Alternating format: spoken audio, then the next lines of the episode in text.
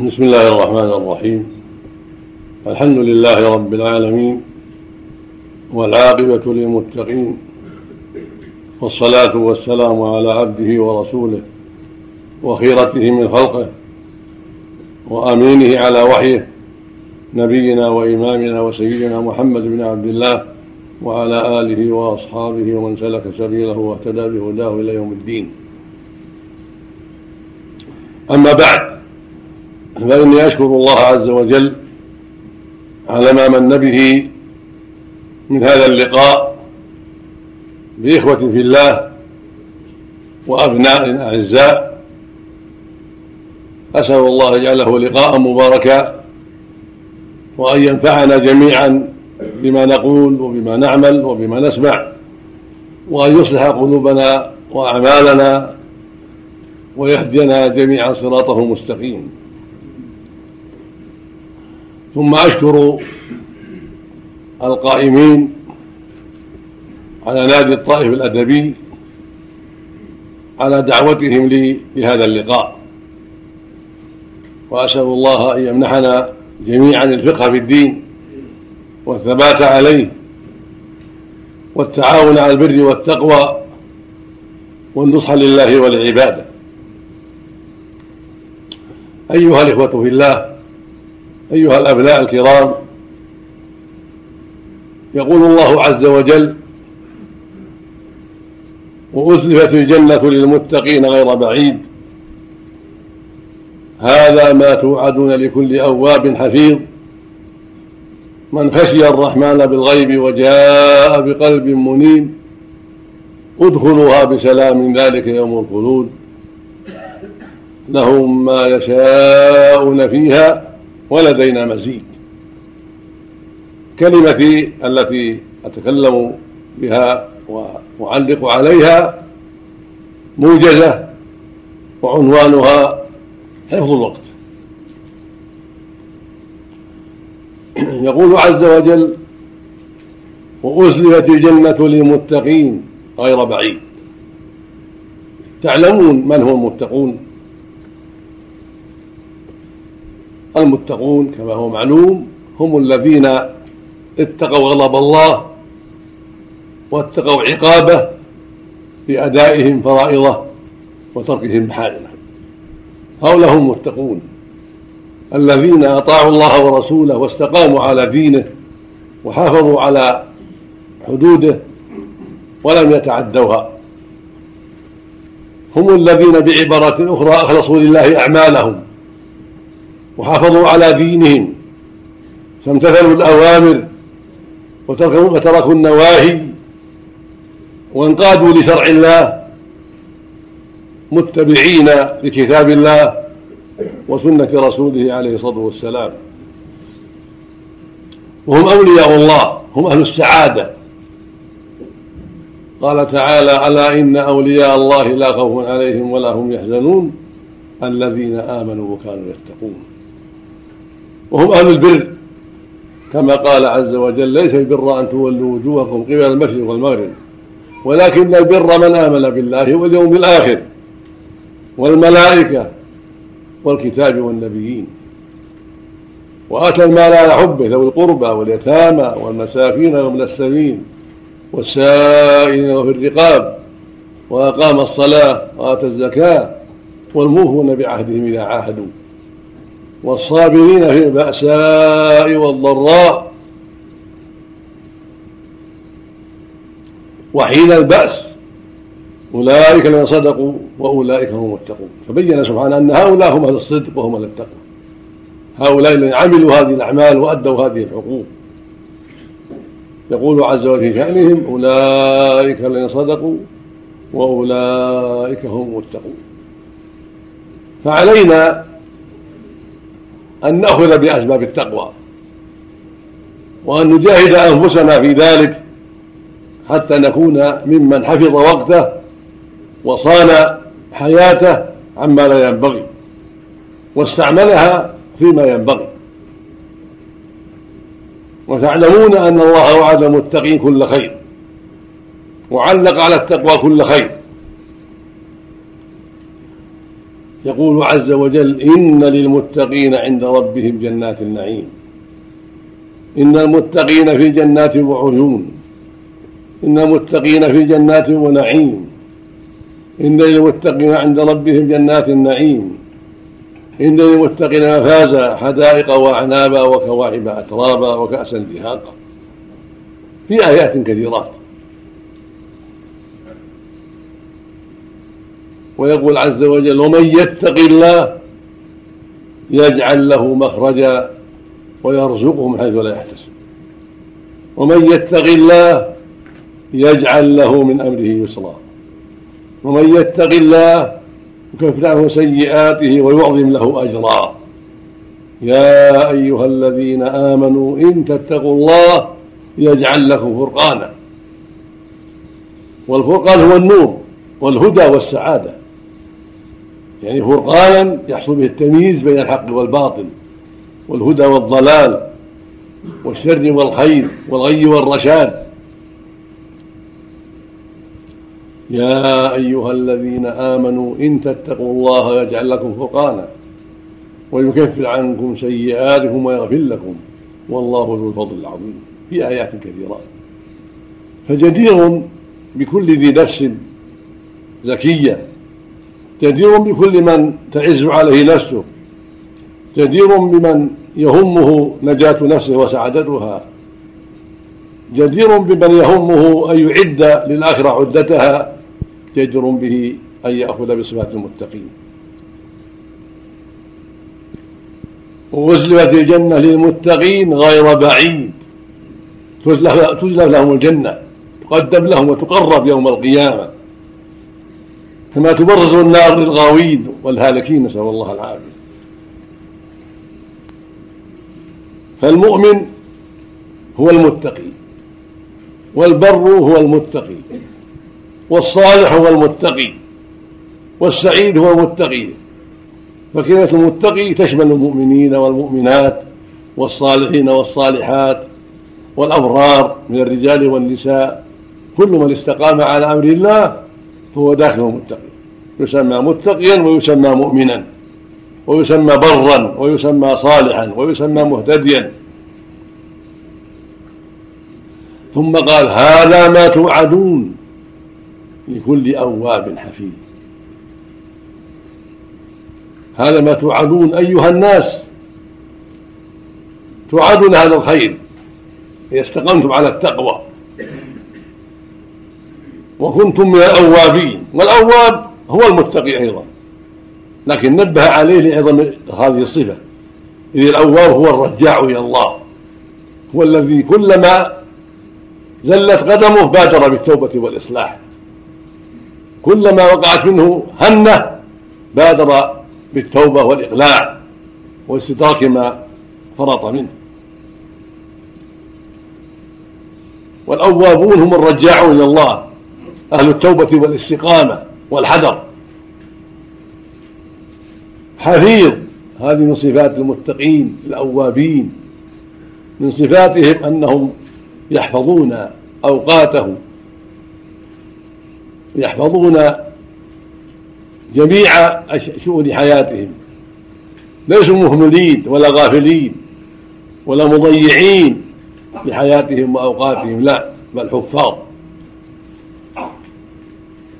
فمع تقواهم لله كونهم أوابين في طاعته والتوبة إليه مع ذلك حافظين هم مع ذلك حافظون لأوقاتهم. فعلى المؤمن أن يحفظ وقته ويحفظ حياته ويحفظ سمعه وبصره وعقله وسائر شؤونه لا يضيع ولا يهمل.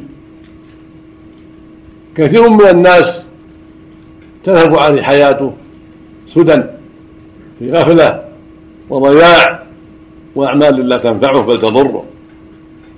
فالمتقي حافظ لوقته حافظ لسمعه حافظ لبصره حافظ للسانه حافظ لجوارحه. وأتى بصيغة حفيظ مبالغة لأن حفيظ أبلغ من حافظ.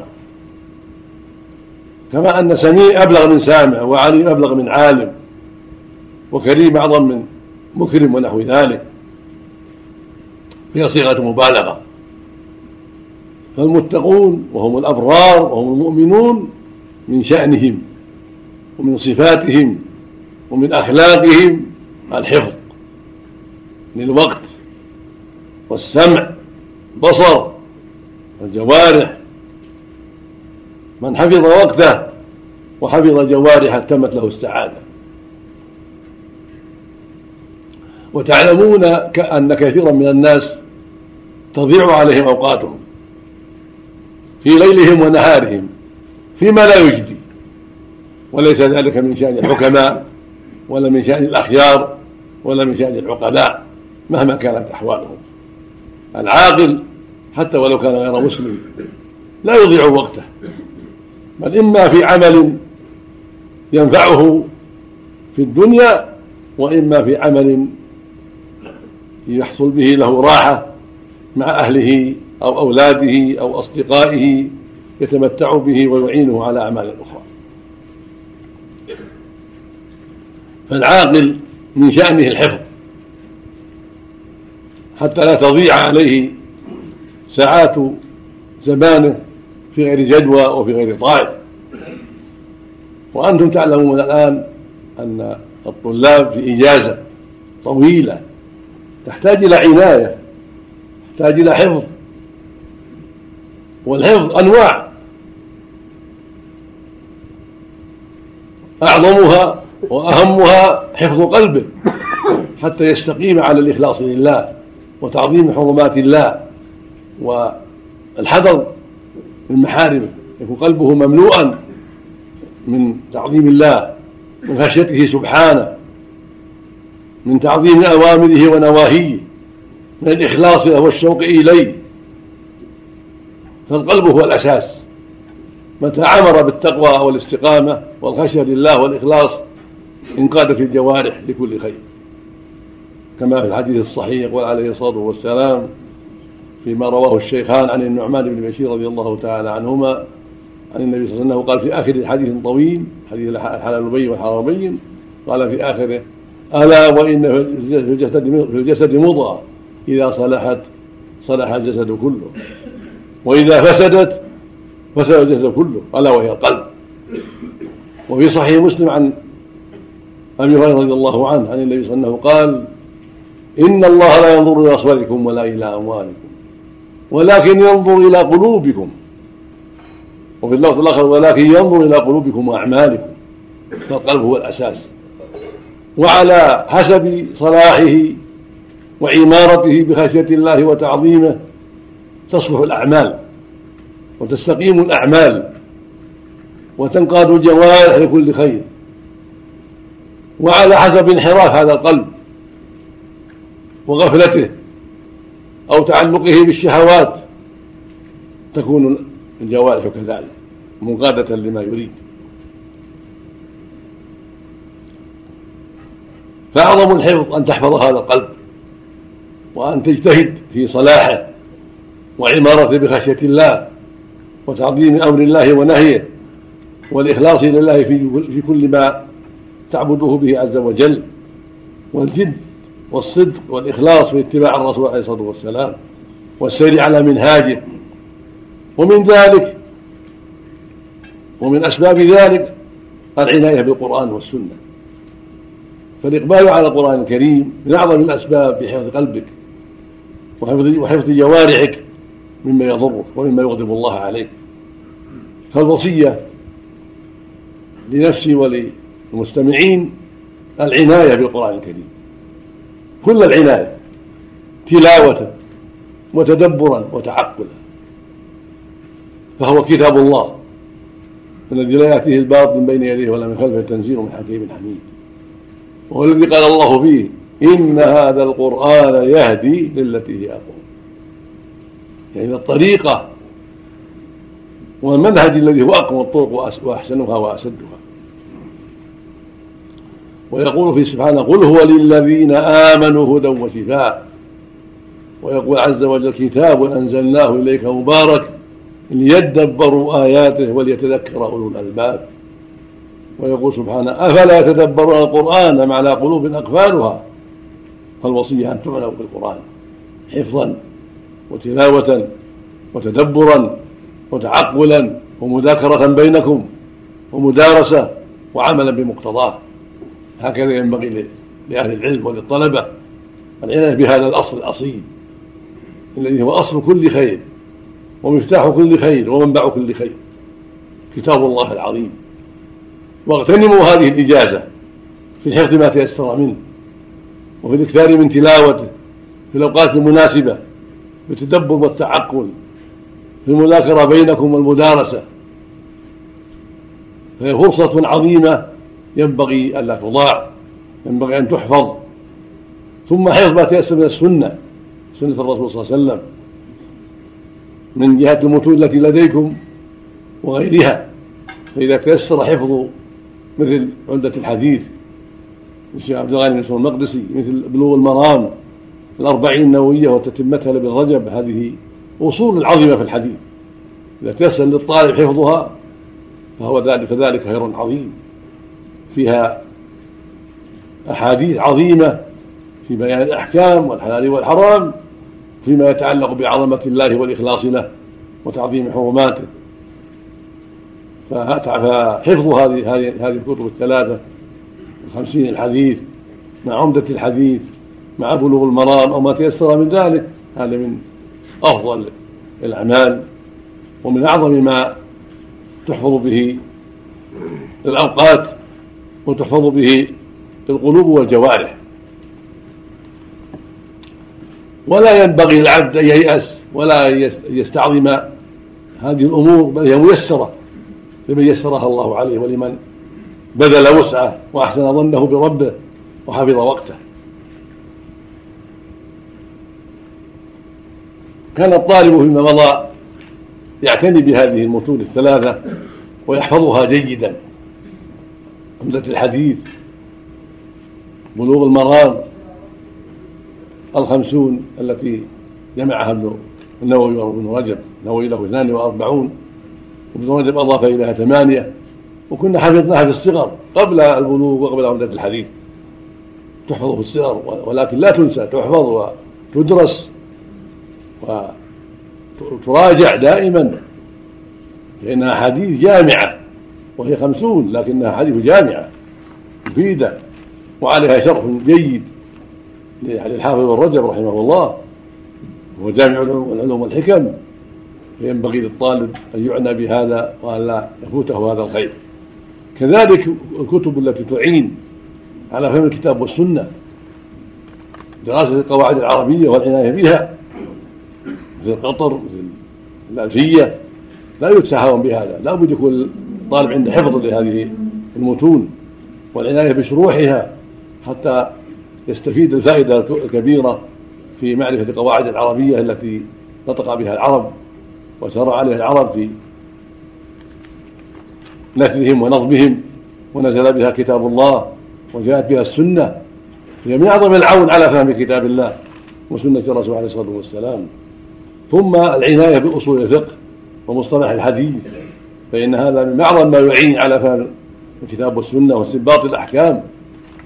كون الطالب له عناية بأصول الفقه ومصطلح الحديث حتى تكون عنده ثروة مباركة تعينه على فهم القرآن والسنة وعلى المذاكرة في ذلك وعلى معرفة الحديث الصحيح والضعيف والموضوع إلى غير ذلك مما يستفيده أهل العلم من هذه الأصول والقواعد. ثم حفظ الوقت من جهة الأعمال التي تطلب من العبد. فلا بد يحفظ وقته حتى يؤدي ما أوجب الله عليه من صلاة من صوم من ذكر من حفظ اللسان عما لا ينبغي من بر والدين من صلة رحم من عناية بأهل بالأهل وقيام بحاجات الأهل والبيت من عناية بالإخوان والأحباء من عيادة المريض وإكرام صديق. وأمر معروف ونهي عن منكر ودعوة إلى الله كل هذا يحتاج إلى حفظ الوقت حتى يقوم بها بهذه الأشياء وما يسر الله منها. فمن أضاع وقته في غير طائل في الأحاديث الفاشلة التي لا, لا فائدة فيها أو في النوم الطويل هذا تفوت خيرات كثيرة. وكثير من الناس قد يسهر الليل في غير طائل ويوضع نهاره في النوم فيذهب عليه الليل والنهار. الليل في غير طائل في سماع الأغاني ومشاهدة التلفاز الذي لا ينفعه وغير هذا مما قد يضيع به الوقت. بل ينبغي أن يحفظ وقته. فلا يسمع من إذاعة ولا من صحافة ولا من تلفاز إلا ما ينفعه. ولا يسهر بل ينام نوما مبكرا حتى يكون نشيطا في صلاة الفجر ونشيطا في نهاره على أعمال النهار. وإذا كان ليس عنده أعمال في النهار فلا مانع أن يستعين بنومة في, في أول النهار ثم يكون في وسط النهار في نشاط وقوة في مدارسة ومذاكرة وكتابة ومراجعة وغير ذلك مما ينفعه. فالحفظ للوقت والحفظ للجوارح من أهم الأمور ولا سيما في هذه الإجازة. والله قال لكل أواب حفيظ. ووصف المتقين بهذا أنهم أوابون وأنهم حفيظون لأوقاتهم وجوارحهم وسائر ما ينبغي أن يحفظ. وهو موصوف بالحفظ بصيغة المبالغة. حفيظ. يحفظ وقته. يحفظ جوارحه سمعه وبصره. يحفظ كل ما ينفعه حفظه. كذلك يحفظ أوقات الصلاة. يحفظ أوقات الخير حتى يعمرها بالخير. فهو مع المسارعين الصلاة في الجماعة في أوقاتها. مع المسارعين إلى الأمر بالمعروف والنهي المنكر والدعوة إلى الله وإرشاد الجاهل مع المسارعين في بر الوالدين في صلة الرحم في إكرام الأهل في العناية بشؤونهم وتوجيههم إلى الخير مع المسارعين في عيادة المرضى ودعاء لهم بالشفاء ونصيحتهم ووصيتهم بالصبر وإخبارهم ما لهم من الله عند الأجر إذا احتسبوا وصبروا. وما يحصل بالأمراض والأكدار من التكفير السيئات وحط الخطايا إلى غير ذلك مما تعمر به الأوقات. ومن أهم ما تعمر به الأوقات المذاكرة المكتبات موجودة كل واحد عنده مكتبة المكتبات العامة موجودة فينبغي يكون له جزء من الوقت في في مراجعة المكتبة ومراجعة ما يحتاج إليه مما فيها من الكتب حول دروسه وحول ما أوجب الله عليه حول ما حرم الله عليه. ومن ذلك ما يتعلق بالتفسير فإن الدارس للقرآن والمتأمل والمتدبر قد تشكي عليه مواضع وكلمات فيراجعها في التفسير ويستفيد ويبحث مع إخوانه فيما أشكل عليه أو مع أستاذه أو مع مع من يظن أن لديه علما حتى تكون الفائدة واضحة ما بقي عنده فيها إشكال. ثم قال من خشي الرحمن بالغيب. هذا من وصف المتقين الأبرار أنهم يخشون الله بالغيب. ليسوا غافلين بل يخشونه دائما. وهو غائب عنهم لكنه معهم. هم لا يشاهدونه ولا يرونه ولكنهم يعلمونه ويؤمنون به. وهو معهم أينما كانوا بعلمه واطلاعه مع أنه فوق العرش سبحانه وتعالى فوق جميع الخلق. لكنه مع عباده بعلمه واطلاعه ورؤيته لهم. واطلاعه على ما في ضمائرهم كما قال عز وجل النبي صلى الله عليه وسلم حين قال له الصديق ما قال؟ قال لا تحزن إن الله معنا فقال إن الله مع الذين اتقوا والذين هم محسنون. قال لموسى وهارون إنني معكم ما أسمع وارى فالمؤمن يخشى الله بالغيب ويؤمن به بالغيب ويعلم أنه الخلاق الرزاق والاسباب الحسنى والصفات العلى وانه مع عباده في كل حين وفي كل وقت بعلمه واطلاعه لا تخفى عليه خافية فهذا يثمر له خشية ربه ومراقبته واستحياءه من الله حتى لا يبارزه بالعظائم حتى لا يبارزه بما حرم عليه بل يستحي من ربه ويخشاه سبحانه وتعالى حتى يستقيم دائما على ما يرضيه عز وجل. وجاء بقلب منيب. كذلك الإنابة إلى الله الرجوع إليه. فهي تشبه الإياب الأواب والمنيب متقارب المعنى. فالأواب الرجاع إليه والمطيع له والتائب إليه والمنيب إليه. قريب في هذا من هذا المعنى أيضا. وينيب إلى طاعته وينيب إلى مراضيه ويتباعد عن مناهيه سبحانه وتعالى. ووصف القلب بذلك لأنه الأساس. متى أناب القلب إلى الله ورجع إليه معظما خاشيا راغبا استقامت الجوارح وسارعت الجوارح إلى كل خير. ثم قال بعد هذا ادخلوها بسلام يعني الجنه بسبب هذه الأعمال الطيبة وهذه الصفات الحميدة يقول ادخلوها بسلام. هم في سلام أبدا. لا كدر ولا مرض ولا تنغيص ولا موت. ولا غير ذلك. فأهل الجنة في سلام دائم وهي دار السلام والله يدعو إلى دار السلام. فهي دار السلام وأهلها في سلام أبدا في مقام أمين. ذلك يوم الخلود الذي ليس فيه انتقال ولا موت ولا شيء من المكدرات. هذه الدار هي دار السلامة وهي دار الخلود وهي دار النعيم. ثم ختم هذا بقول لهم ما يشاءون فيها. الخير العظيم. لهم ما يشاءون ويطلبون من أنواع النعيم. ولدى الله المزيد من النظر إلى وجهه الكريم. كما قال سبحانه للذين أحسنوا الحسنى وزيادة وهي النظر إلى وجه الله يوم القيامة.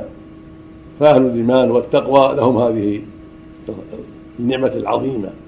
دخول الجنة بسلام وأمن وعافية وخلود دائم ونعيم دائم ولهم ما يشاءون فيها من أنواع النعيم وأنواع الخير وأنواع اللذات والمسرات. ولدى الله المزيد مما لا مما لا عين رأت ولا أذن سمعت ولا خطر على بشر ومن جملة ذلك النظر إلى وجهه سبحانه وتعالى. قال في حديث صهيب في تفسير الزيادة النظر إلى وجه الله؟ فإذا نظروا إلى وجهه لم يستبدلوا بذلك غيره بل هو أحب شيء إليهم. وهو أعلى نعيم يعطونه. قال فما أعطوا شيئا أحب إليهم النظر إلى وجهه. فهو أعلى نعيمهم. وعلى لذاتهم النظر إلى وجه الله سبحانه وتعالى. فأسأل الله جل وعلا يجعلنا وإياكم من هؤلاء الأخيار وأن يرزقنا وإياكم حفظ أوقاتنا وأسماعنا وأبصارنا وقلوبنا عن كل ما يغضبه سبحانه وأن يعيذنا وإياكم من الفتن ونزغات الشيطان. إنه سميع قريب وصلى الله وسلم على نبينا محمد وعلى آله وأصحابه.